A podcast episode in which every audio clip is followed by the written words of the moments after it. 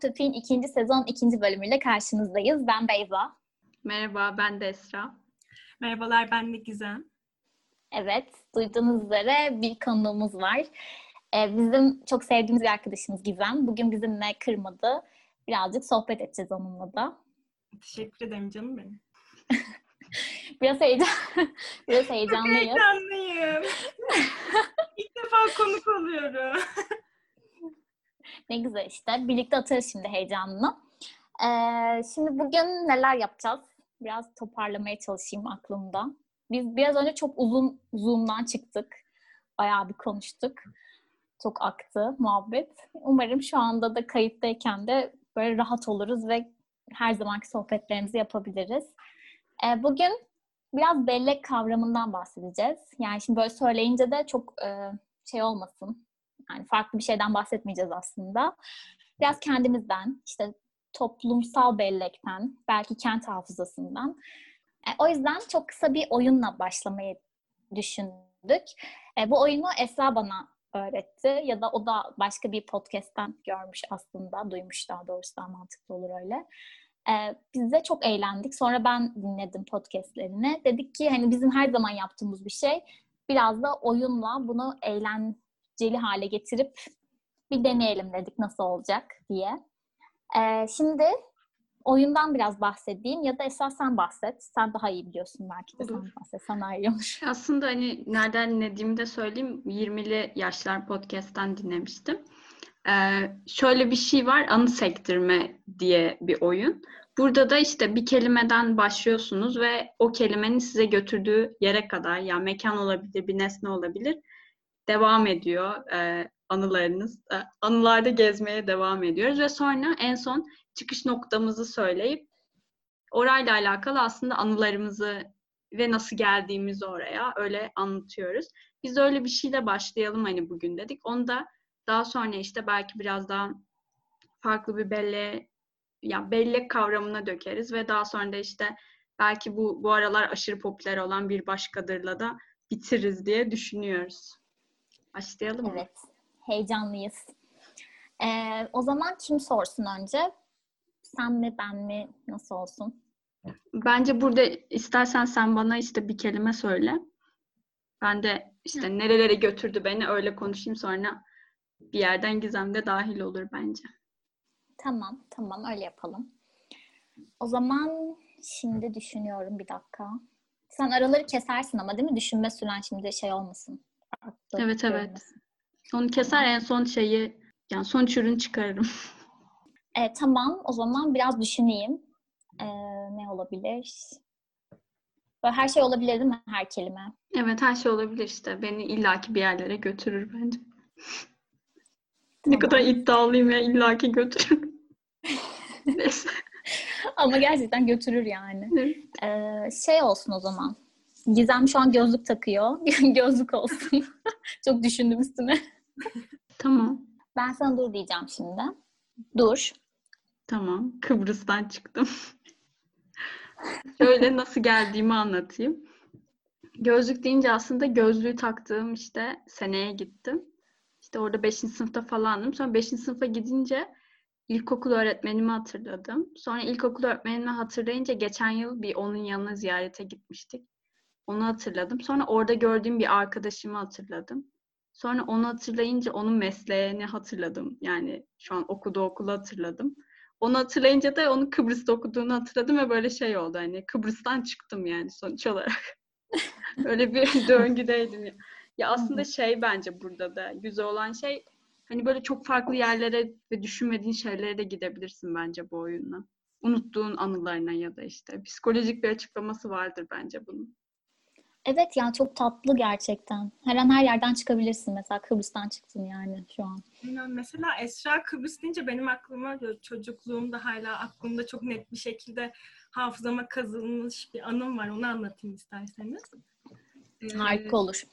Tamam. Şimdi şöyle ben babamın mesleğinden dolayı bir de annemle babam ayrı o zamanlar evlilerdi. Babam hangi şehire tayin oluyorsa biz de mecburiyetten oralara gidiyorduk. Kıbrıs'ta iki buçuk sene yaşadık. Kıbrıs'ta yaşarken oradaki lojmanlarda eşyalar bize veriliyordu ve hani evdeki bütün eşyalar zaten lojmana zimmetliydi. E, işte biz gittik. Benim odamda işte geleneksel e, aile tipinde dört kişi kabul edilir. Anne baba iki çocuktur. Odalarda da çocuk odalarında da ikişer tane yatak vardı. Tabii ben o zamanlar altı yaşındayım.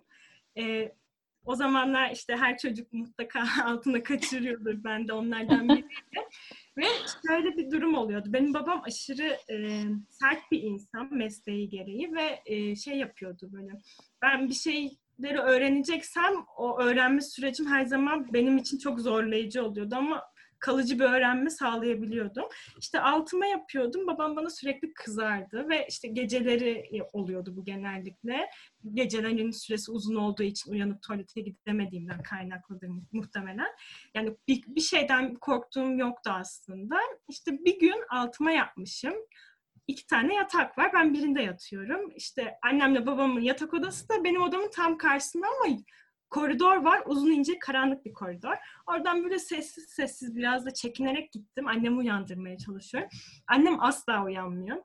Sonra babam uyanıyor ve bana diyor ki hemen yatağına git. Bu saatte burada ne işin var? Hani ne olduğunu sormuyor, niye geldiğim bir sıkıntım olduğunu sormuyor. Tabii babam öyle deyince ben de yatağıma gidiyorum. Düşünüyorum acaba, aa diyorum ne, ne yapacağım yani burası ıslak. O 5 yaşındaki çocuğun aklı hani onu ne yapabilir? Hani ne bileyim çarşafı değiştirebilirdim belki ama asla aklıma gelmedi. Ya da ikinci bir yatak var sabaha kadar kurur diye düşünüp öbür yatağa da yatabilirdim. O da aklıma gelmedi. Ben sabaha kadar arkadaşlar üfleyerek kurutmuştum orayı. Çok böyle aklıma kasındı bu. Yani Kıbrıs deyince aklıma bir tek bu geliyor neredeyse. Ve şu an böyle üzülerek şey yapmıyorum ama e, hatırlamıyorum ama böyle Kıbrıs deyince direkt aklıma o o gün o gece geliyor ve ondan sonra da hatta işte artık böyle gece yatmadan önce dişlerimi fırçalayınca yatmadan önce sürekli böyle tuvalete giderdim ki gece bir sıkıntı olmasın bir şey olmasın diye. Sonra kalkar şey yapardım Yok yatağa geçtiğim zaman işte dua ederdim. Dualarım da böyle bir tane iki, iki tane olmazdı işte. Allah'ım bugün ne olur altıma yapmayayım derdim bu gece. Ama bunun da sayısını arttırırdım. İşte 50, 50 kere aynı cümleyi söylerdim. Amin der kapatırdım uyumaya çalışırdım. Yani neyi kapatıyorsam yani. Dua şey... kapatıldı. Aynen. sonra sonra şey yapıyordum tabii ki de. E, dedim ki artık hani bu 50 kere aynı cümleyi söyleyince artık böyle dilim sürçüyor. Bunu daha basite indirgeyebilirim bence işte çocuk haklı. Sonuçta ben bu duayı toplu ediyorsam bittiği an toplu bir şekilde gidiyordur diye düşünerek böyle kelime kelime 50 kere Allah'ım Allah'ım 50 kere işte lütfen lütfen böyle böyle devam ediyordu. Aklıma o geldi Esra deyince tabii Esra'nın mekansal süreçte daha farklı oldu ama benim direkt o mekan üzerine bir anımdı. Öyleydi yani. Yani kötü hatırlamıyorum ama bilmiyorum o saflığım beni çok böyle mutlu etmişti yani saf bir çocuk yani saf düşüncem böyle hoşuma gidiyor hala anlatırken. Ya çocuk işte yani yani kendini çocuk olarak düşünmek çok güzel bir şey. Belki de hani hala çocuk sevgisinin insanlar içinde var olmasının nedeni de o. Böyle kendini çünkü sen de çocuktun, sen de o kadar saftın ve yani onları da hep öyle görüyorsun. Çok tatlı. Değil mi? evet, Arkadaşlar şey de güzel bence. Altına yapabilir yani. 5 yaşındaki çocuk için normal. Altına yapanlar vardır. Aynen öyle. Ki ben de mesela yapıyordum 6 yaşıma falan kadar ama işte annem naylon gibi bir şey şey yapıyordu. Seriyordu altıma. Ben onu böyle dışarı fırlatır sonra üstüm değiştirir. Değiştirdiğim şeyleri çekmeceye koyar yatmaya devam eder. Öyle bir yerde. asla yapmadılar. Yani yapacaksan işte öğreneceksin bunu. Biz sana kolaylaştırıcı hiçbir şey sunmayacağız. Bunu kendin aşacaksın deyip böyle o 5 yaşındaki omuzlarıma büyük gelmişti. Ama açtım da çok uzun sürmedi. Bu anıyı anlattıktan bir sene sonra falan sanırım anaokulunda öğren yani anaokulunda da uyku saatlerimiz oluyordu. Daha kısa oluyordu ya onlar. Öyle öyle açtım sonra geceleri de yapmamaya başladım. Bence büyük bir başarı benim için. 6 yaşındaki çocuk için. Evet. Çünkü ilkokula kadar altına yapan ben çok duydum açıkçası yani. Tabii canım yani zor bir şey çocuk için. Kesinlikle. Rahatlıktan çıkmak zor bir kere. Sen öyle söyleyince evet gerçekten bu arada.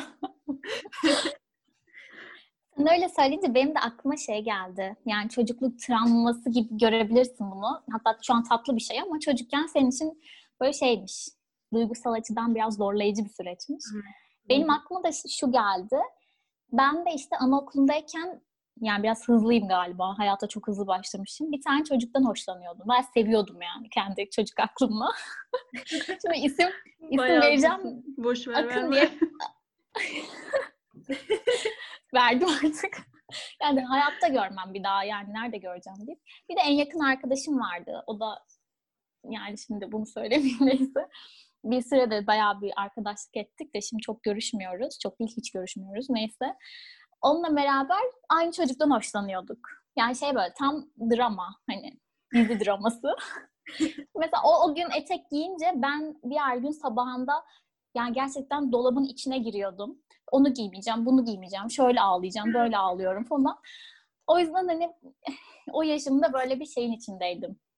Aşk üçgenin içindeydim. Bir de en yakın arkadaşım, en çok onunla oynuyordum. Sonra bir gün tabii bu bu kadar çaban, bu kadar şey muhtemelen öğretmenin de söylediği bir şeydi bu.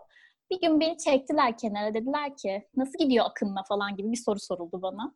Ben de 5 yaşındayım bu arada. o gün, o gün bak hala nasıl unutamadıysam, ne kadar utandıysam yıllarca hiç mesela bu konulardan kimseye bahsedemedim. Annemle babama. Ondan sonra işte bir şekilde açtım ama o utanç şu an bana çok tatlı geliyor. Yani o kadar utanmıyorum şu an bir şeyleri söylerken falan. O yüzden güzel yani çocuk olmak. Bir de ben o zamanlar tek altına yapan çocuğun ben olduğunu zannediyordum. Çünkü annemle babam hep bir tek sen yapıyorsun yapma tarzında konuşurlardı benimle. Hani bunları şu an anlatınca hani aslında bütün çocuklar bunu yapabilir. Çok normal bir şeymiş gibi olunca da bir noktadan sonra şey hani bir tek ben değilmişim, yalnız değilmişim hissi insanın daha fazla rahatlamasına sebep veriyor bence. O açıdan da güzel bir şey paylaşmak. Evet, kesinlikle. E şimdi şöyle bir durum var. Babamla aramdaki ilişkiyi de sen Esra şey e, ikiniz de podcast'e girerken demiştiniz ya baş, bir başkadırdan da konuşalım diye. Benim orada aslında e, baba kız ilişkisi, imamla imamın kızı arasındaki ilişki hep böyle bir nebze hani kız kendiyle ilgili bir şey söylüyor. Ben hazırım diyor ya da işte başka bir şey söylüyor. Babasıyla bir bakışıyorlar ve daha sonra babası bunu normal bir şekilde karşılıyor. Ben bu duruma çok özendim. Yani babamla ilişkim böyle olmadığı için aslında o sahneyi hep benimle babam arasında da olsaydı nasıl olurdu?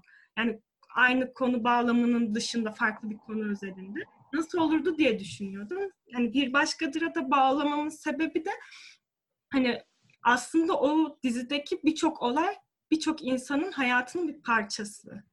Yani bu parçalardan dolayı dizinin akışı bizim için belki de daha e, samimi. Yani aslında dizi biraz soğuk ilerliyor ama bir samimiyeti var. Yani bir içi ısıtan tarafı var.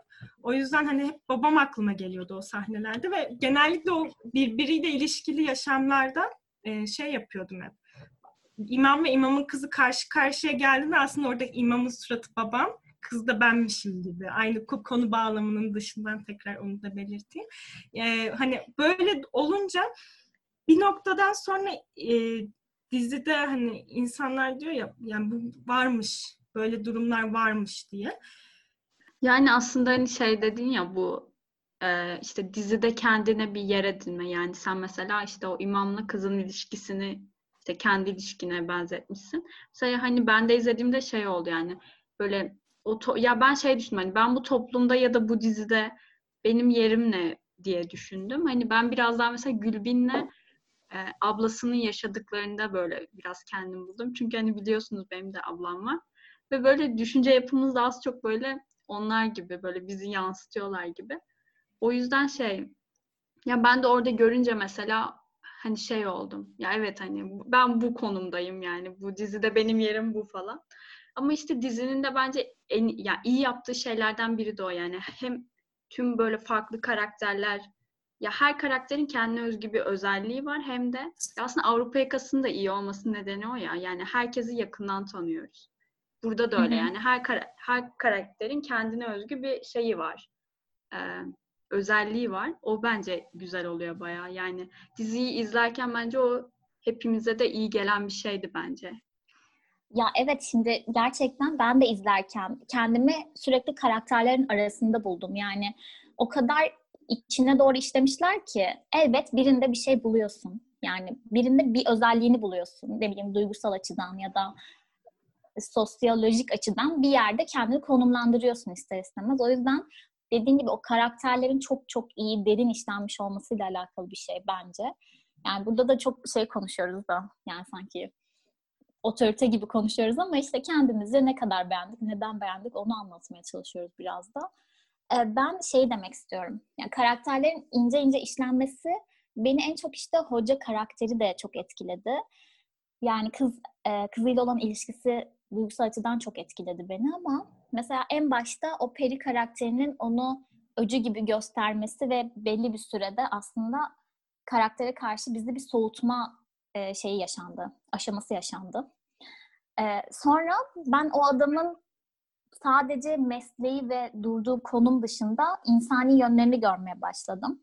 O kızıyla ilişkisi, ailesini çok seviyor olması, belki de hani insani yönlerini gösterdikleri için o karakteri işte o Peri'nin söylediği şekilde tırnak içinde söylüyorum öcü karakterinden çok güzel çıkardılar. O yüzden çok çok beğendim. Çünkü hani gerçekten ben de kendi hayatımda e, yani şöyle diyeyim hani hocama bir danışayım işte hoca okur üfler tarzı şeyleri çok duydum. Yani kendi hayatımda dedim böyle insanların var olduğunu duydum. E, uzaktan bakınca da şey oluyorsun gerçekten o insanın böyle bir insan olabileceğini düşünemiyorsun. Ama e, hayatı boyunca hep böyle e, nasıl desem bir şeylerin içinde yaşamış ve kendi doğru, doğruları olan insanlar. Ama iş ailesine ve insanlığına geldiğinde çok başka boyutlarını da görme şansımız oluyor. O yüzden e, yani hoca karakterinden bağımsız da birçok karakterin özellikle Gülbin'i kendime yakın gördüm ben de. Ama bir ablam olduğu için de değil de işte o uç noktalar arasında kendime bir yer bulmaya çalıştığım için günlük hayatta da. O yüzden bilmiyorum çok güzeldi. Ya ben aslında hani ben de evet ben de sevdim baya. Yani o düşündürme şeyine sokması bence güzeldi. Ama yani şey gibi bir yerden de bakmak istemiyorum hani işte onlar niye böyle yani bu toplumda niye bu kadar farklı insan var şeyiyle bakmaktansa işte biraz yani o insanların görmüş olduğu şey o ya yani onlar onu görüyor ve işte işte ailesinden onu görüyor, öyle yaşatıyor. Bazıları çok farklı şeyler düşünüyor. Mesela Gülbin gibi yani ailesinden çok farklı bir yerde. Ama bazıları da ailesinin getirdiği işte gelenek göreneklerden tutun da yani düşünce yapısına kadar, hayat tarzına kadar her şey aynı. O yüzden hani insanları buna göre de sınıflandırmak da işte bu Peri'nin yaptığı gibi yani. Ön yargılı bakmak da bence yanlış yani. Hani mesela bizde ama şöyle bir durum var aslında. Hani önyargılı bakmak bize zaten çocukluğumuzda aşılandırılan bir durum. Yani biz okulda eğitim alırken bile istemesek de başarılı olmak için bir yarışın içine sokulmuyor muyuz? O yarış da bizi e, başka bir noktaya götürüyor bir noktadan sonra. Ya ben şöyle bir örnek vermek istiyorum. Benim annem babam çok modernler. Yani modern aile dediğimiz bir kalıp varsa muhtemelen ikisi de onun içindedirler. Ama mesela babam e, Peri'nin annesi gibi kapalı bir kadını farklı bir noktada görebiliyor. Onu öyle bir e, ayrıştırabiliyor. Mesela benim kapalı arkadaşlarım olduğunda babam işte onlarla arkadaşlık etme deyip onlarla kelimesinin altını bastıra bastıra bana bir şekilde aşılamaya çalışıyordu. Ama ben nedense hep buna hiç takılmadım açıkçası. Hep böyle o tarz arkadaşlarım da oldu. Çok uçuk noktalarda arkadaşlarım da oldu işte kendi ka- kadın ama kendine e, erkek gibi hisseden, hormonal ya da farklı sebepleri olan, cinsel yönelimi farklı olan arkadaşlarım da var. Hani bunları ben hiçbir zaman ayrıştırmadım. Hep böyle daha yakın, onları hep anlamak üzerine e, konuştum. İşte dinledim, bir sıkıntısı olduğunda dinledim, sevinci olduğunda benimle paylaşsın istedim. Yani onları ayrıştırmaktan çok daha böyle bir border değil de bir e, bütünleştirici bir nokta olsun çabasındayım. Yani o sınır olarak gördüğümüz şey aslında bizi bütünleştiren bir çizgi. Olaya öyle bakalım diye düşünüyordum. Evet. E, babam bana bunu aşıladığı için de yani aşılamaya çalıştığı için de bir sıkıntı oluyordu. Daha sonra zaten biz geçen babamla bir e, sohbet ettik uzun uzun. Böyle kendimize, birbirimize eleştirilerde bulunduk. İşte bana bu durumu falan anlattım babama. Babam dedi ki işte yani bir noktada haklısın. İşte o da mesleği gereği hep bir kapalı kutuda yaşamanın daha kıymetli olduğunu inandığı için e, toplumla ilişkileri, bireysel ilişkileri hep bir zayıf kalmış, geliştirememiş o noktada kendini. Ve ben babama bunları anlattığımda dedi ki yani ben de senin yaşlarında belki böyle düşünüyordum ama benim böyle düşünmemi engellemişler. Yani beni herkes de aynı e, düşünmeye itmişler. Düşünce yapımı törpülemişler. O yüzden haklısın deyip bir noktada da üzüldü. Yani geldiğimiz hale bak yaş gittikçe kendimizi geliştireceğimiz noktada fikirsel olarak ne kadar gerilemişiz dedi. Yani bu biraz işte kendini ifade etmekle de alakalı. Evet evet. Yani ben de mesela şey ya mesela hani ben de burada şey diyebilirim hani yani biz Beyza'yla da hatta senle de ama senle arkadaş olmamız hani o şeylerden değildi. Yani o kadar şey değildim yani. Ama Beyza'da mesela işte hazırlıkta ya farklı aile yapılarımız var ikimizin. Hatta çok farklıyız bence aile yapıları olarak. Ama işte mesela hep hani e, Beyza'nın aile yapısına mesela benim aile yapım hep böyle ön yargıyla bakan işte yani ben yıllarca öyle büyüdüm yani işte onlar farklı, bizden çok farklılar falan gibi. Mesela Beyza ile konuştuğumuzda onlar da bize karşı öyle yani şey yaşamışlar yani bir toplum böyle ayrışarak yaşamış. Ama sonra mesela Beyza ile arkadaş olduğumuzda şey fark ettim. Yani aslında hiçbir farkımız yok yani. Aynı şeyleri düşünüyoruz, aynı şeyleri yiyoruz, aynı yerde yaşıyoruz. Hani hiçbir farkımız yok. Yani ayrışmamız gereken bir konu bile yok. Ya aslında hani orada da yani aklıma şey geldi hani bu işte kentlerde de öyle ya yani insanlar zaten işte kentlere geldiğinde hep kendine yakın kim varsa hep onun yanındalar. Yani işte Sivaslılar mahallesi var. İşte Karadenizler mahallesi var. Yani çünkü hiç bilmediğim bir yerde en iyi tanıdığım ve en iyi güvendiğin kişi en tanıdığın kişidir. O yüzden yani o hani e, toplumda da öyle ya yani hep bir sınırlarımız var ve yani ailemizde de hala böyle bunu yaşatanlar var yani. Ama böyle şey de güzel bence hani o açık fikirli olma ya bazı aileler öyle yani hani bizimkiler de öyle bildiğim kadarıyla sizinkiler de öyle. Yani açık fikirliler yani şey demiyorlar. Hani niye onunla arkadaş oldun ya da niye böylesin falan gibi bir ayrım değil. Mantıklı yönden görüyorlar ya bence o da bizim için büyük bir şans yani. Anlayabiliyorlar. Ya evet Esa yani başlarda da böyle bir kanım kaynıyor derler ya hani öyle bir etki vardı seninle benim aramda.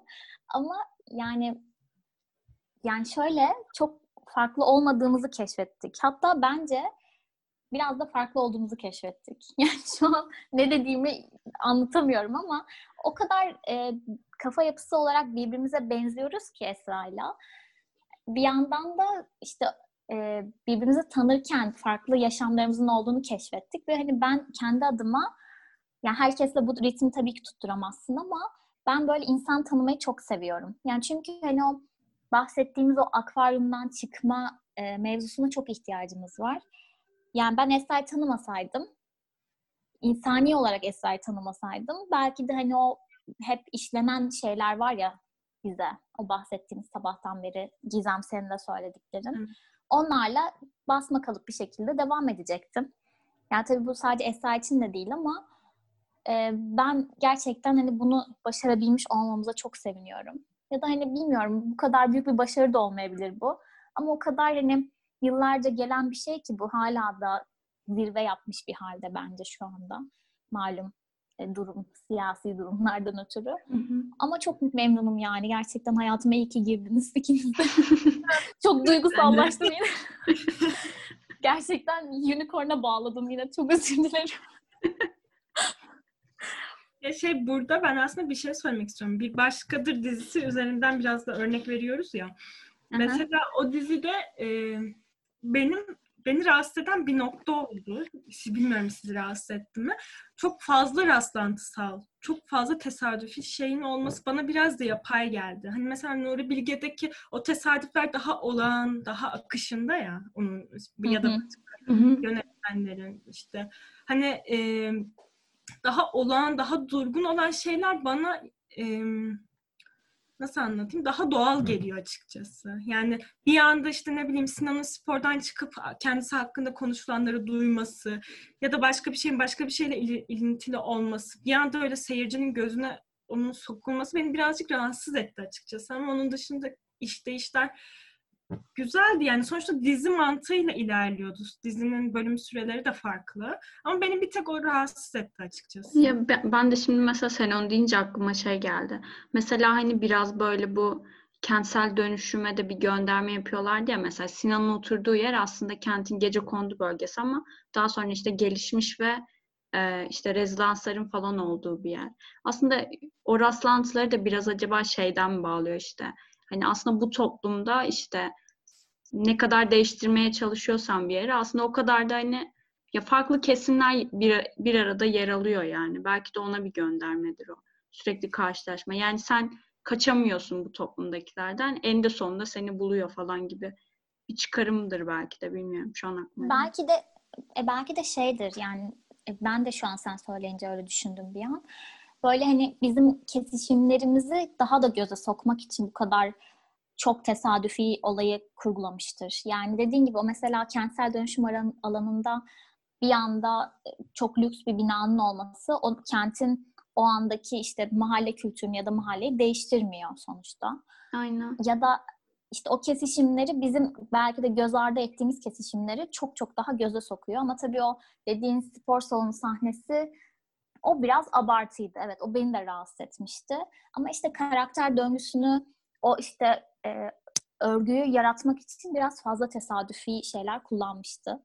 Ama yani her karakteri de öyle bir işlemiş ki hani şey diyorsun iyi ki bununla da tanışmışım yani bir tesadüfi eserle de olsa bir şekilde girmişim ona da dokundum yani evet. şu an diyorsun. Ya Güzel aslında şeyi de güzel yapıyordu bence hani yani birden mesela tüm karakterleri tanımıyoruz ve işte hepsine bir zaman geçiyor ya mesela son bölümlerde Sinan'ın kim olduğunu aslında biliyoruz. Yani Sinan da aslında çok farklı değil o işte Meryem'in olduğu toplumdan. Yani o da yine orta sınıftan gelen yani aileye mensup aslında. Yani böyle sıra sıra da onları da görüyoruz ya o şeylere hı hı. işte. Peri'nin ailesine çok sonra giriyoruz işte. Meryem'e çok önce giriyoruz falan ama o sıralama da bence güzel bir yerden yapılmış. Bir de ben şeyi de ekleyeyim. Ben hani ya beni en çok mesela şey e, hoşuma giden şey bir başkadır da çekimleriydi. Yani o işte 80'ler 90'lar sinemasına yaptığı göndermeleriyle işte o e, Yılmaz Güney'in sanki bir filmini izliyoruz gibi bir hani o çekimler vardı ya uzak planlardan yakın plana geldiği Aynen. falan böyle. Ya da işte kend, işte bir yukarıdan bakıyoruz ve Meryem'i izlediğimiz böyle top view'dan. O şeyler Hı-hı. falan böyle bayağı hani o aslında hani bu tüm olanların hani o bir başkalığın da şeyini işte o 80'ler 90'larla gelen göçe bağlıyor ya işte. Onu da işte o Yılmaz Güney atıflarıyla görmek bence güzeldi bayağı. İşte birkaç kitap evet, falan evet. da koymuşlardı. Evet. Aynen. Yani bir de mesela imam karakterine geldiğimizde benim bilmiyorum ben e, yani şey imam deyince imamın karakteri daha farklı olur diye hep düşünmüşümdür. Yani hani oradaki karakter işte hikaye anlatıyor. Ona biri bir şey sorduğunda önce bir hikaye anlatıyor. Sonra onun seçmesi yani ne yapması gerektiğini direkt ona ım, dikta etmiyor da bir hikaye anlatıyor ve onun bir şekilde bir noktada düşünmesini sağlıyor ya. Im, o kısım mesela bana şey biraz ön yargılı olduğum bir konuda e, benim gözlerimi daha iyi açtı. Yani daha fazla açıldım. Yani böyle de olabilir mi? Böyle de olabilirmiş.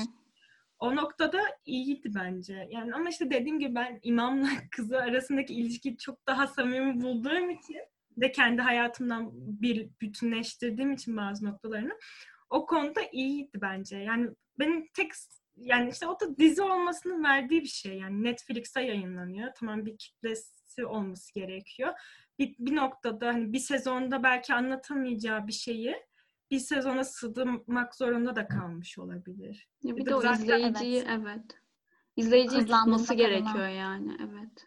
Evet böyle düşününce yani Nuri Bilge gibi devam etseydi ya herkesin, o kadar konuşulmazdı e... belki de ya Nuri Bilge gibi olsa. Yani evet. Nuri Bilge'yi izleyen kesim farklı ya yani. Ya onu izleyen bir kitle var mesela ama hani bir başkadır yani her kitleden insan izliyor ya. Bence o yani o farklı yaptığı şey de oydu bence Nuri Bilge'den. Ya Nuri Bilge olması bir, yani örnek verdim. Mesela Özcan Alper'in filmlerini izlediyseniz eğer yani Özcan Alper de bunu çok güzel bir şekilde anlatıyor filmlerinde ve hani sıkıştırmadan daha olağanında daha böyle e, gerçek yaşamla daha böyle bağdaştırabileceğimiz şekilde anlatıyor ya mesela Gelecek Uzun Sürer filmini. Hani Hı hı. Bilmem o nokta belki yakalanabilirdi ama işte tamam, sinemada dizide biraz tüketim şeyine girdiği için bir noktadan sonra onları da anlayabiliyorum ama ben de hep o tarz filmleri izlediğim için dizileri, filmleri Hı hı. sadece ister istemez kıyaslıyorum. Tabii kötü bir iyi ya da kötü bir eleştiri yapacak düzeyde kesinlikle değilim. Onun farkındayım ama sadece hani kendi fikrim. O tesadüflüğü beni bana biraz yapay geldi. Ya zaten ben e, Esra'ya da her zaman söylerim. Bizim bu podcast'i çekebilmemiz kendi düşüncelerimize ve birbirimizin düşüncelerine çok değer veriyor olmamız. Yani bir otorite ya da bir yetkinliğe sahip değiliz elbette. Daha hani belli noktalarda belki ama böyle seninle de konuşmak aynı şeyi hissettiriyor. Senin de düşüncelerine çok değer veriyorum. O yüzden hani çok da bilmiyormuşuz gibi değil ama böyle kendimiz sohbet ediyoruz. E, çünkü kolay bir şey de değil podcast. Bir anda bütün düşüncelerini insanlara açabiliyorsun aslında. O yüzden hani yetkin olmak değil de kendi düşüncelerimizi söylemek bence çok güzel. Bir daha annem çay içiyoruz diye bağırdı. bir başkadır. Şey bir başkadır. Evet. Aynen. bir başkadır ya hani. Güzel oldu bence. Şey ben burada Beyza'nın dediğine kesinlikle katılıyorum. Yani çok değerli bir şey. Mesela şöyle de bir örnek vermek istiyorum. Çok çok babam hakkında konuştum. Niye böyle oldu bilmiyorum da. Psikoloğun anlatamadıklarını gelip Aynen. Terapisteyim şu an. Te- terapist mi oldunuz ikiniz de? Şöyle bir durum var. Tamam podcast çekmek ayrı bir nokta ama insanların fikirlerini, düşüncelerini olduğu gibi paylaşması çok zor bir şey bence. Mesela ben küçükken bir şey olduğunda böyle çok sevindiğimde de ağlayabilen bir insanım. Çok üzüldüğümde de ağlayabilen bir insanım. Yani bazı insanlara bu çok saçma geliyor olabilir ama benim için duygularımı ifade etmem. Nasıl ifade ettiğimin bir çerçevesi bir şey yok. O böyle bir insan çok sevindiğinde zıplıyorsa ben bunu saçma bulabilirim. Mesela babam bana hep şey derdi. Ağlama ağlayınca güçsüz bir insan olduğun belli oluyor. Ya da işte güçsüz müsün de ağlıyorsun tarzında konuşurdu. İşte geçen gene konuşurken bunları konuştuk. Ben dedim ki babama baba hani tamam sana göre ağlamak güçsüzlüğün bir simgesiyse ama benim için asla öyle değil. Hani ben duygularımı nasıl ifade edebiliyorsam benim için önemli olan nokta duygularımı karşı tarafa ya da kendime açık bir şekilde ifade edebilmek. Yani bence asıl cesaret bu. O yüzden ben siz başladığınızdan beri hatta başlamadan önce de Esra'yla konuşuyorduk sanırım. Bir podcast yapacağız şöyle böyle. Uzun zamandır aklınızda olup bir türlü gerçekleştiremediğiniz bir şeydi. Ben o yüzden çok takdir ettim. Bir de bazı şeylere başlamak için tam hazır olmayı beklemek çok yanlış. O yola girince zaten bir noktada hazırlanıyorsun. Yani acemice olabilir, çok kötü olabilir. Ama bir noktadan sonra yani o e, yola girdikten sonra ipleri eline alabiliyorsun. Almasan da yapıyorsun yani. Yapıyor olmak çok önemli. Mesela umarım annem dinlemezin ilk bölümünü tekrar dinledim dün gece. Orada türlü o kadar böyle heyecanlıymış, o kadar böyle hani programın bu yönlere evrilebileceğinden bir habermiş ki e, anlatamam size ve son bölümü e, iz, dinliyorum. İnanılmaz bir değişiklik. Aynı şey sizin için de geçerli bence. Ben sizin her bölümünüzü şey izli ben niye sürekli izliyorum diyorum. Çok saçma. Dinliyorum ve şey e, bu noktada gerçekten takdir ediyorum. Yani insanlara ya dinlenme kaygınız olmasa bile bunları bir platformda konuşup paylaşabiliyorsanız çok değerli yani. Günümüz insanının en kötü özelliği de zaten cesur olmaması. O yüzden Hı-hı. bence yaptığınız büyük bir cesaret göstergesi. Umarım bu cesaretiniz herkese bulaşır. Ay teşekkür ederiz. Teşekkür ederiz. Ne güzel konuştun. O zaman bu güzel konuşmanın üstüne güzel bir kapanış yaparız çünkü gerçekten üstüne ne diyeceğimi bilmiyorum. Şu ben de bilmiyorum. Bizim için de konuk olduğu için güzel oldu bayağı bence bu bölüm. Ya bunun öncesi konuşmalarımız da iyiydi. Bence çok kaydedemedik evet. onları ama onlar da güzeldi. Teşekkür ederiz. Aslında şey böyle hani geçen hafta şeyden bahsetmiştim işte çok da off topic olmuyoruz falan diye. Aslında bu bölüm böyle oradan oraya uçtuğumuz ve ölçeksiz konuştuğumuz bir bölüm oldu ya. Bence güzel oldu o yüzden. Teşekkür ederiz herkese, bizi dinleyen herkese de kısaca. Bizi sosyal medyadan da takip ederseniz mutlu da oluruz. Teşekkür ediyoruz ve görüşürüz. Görüşürüz. Görüşürüz. Niye el sallıyorsan.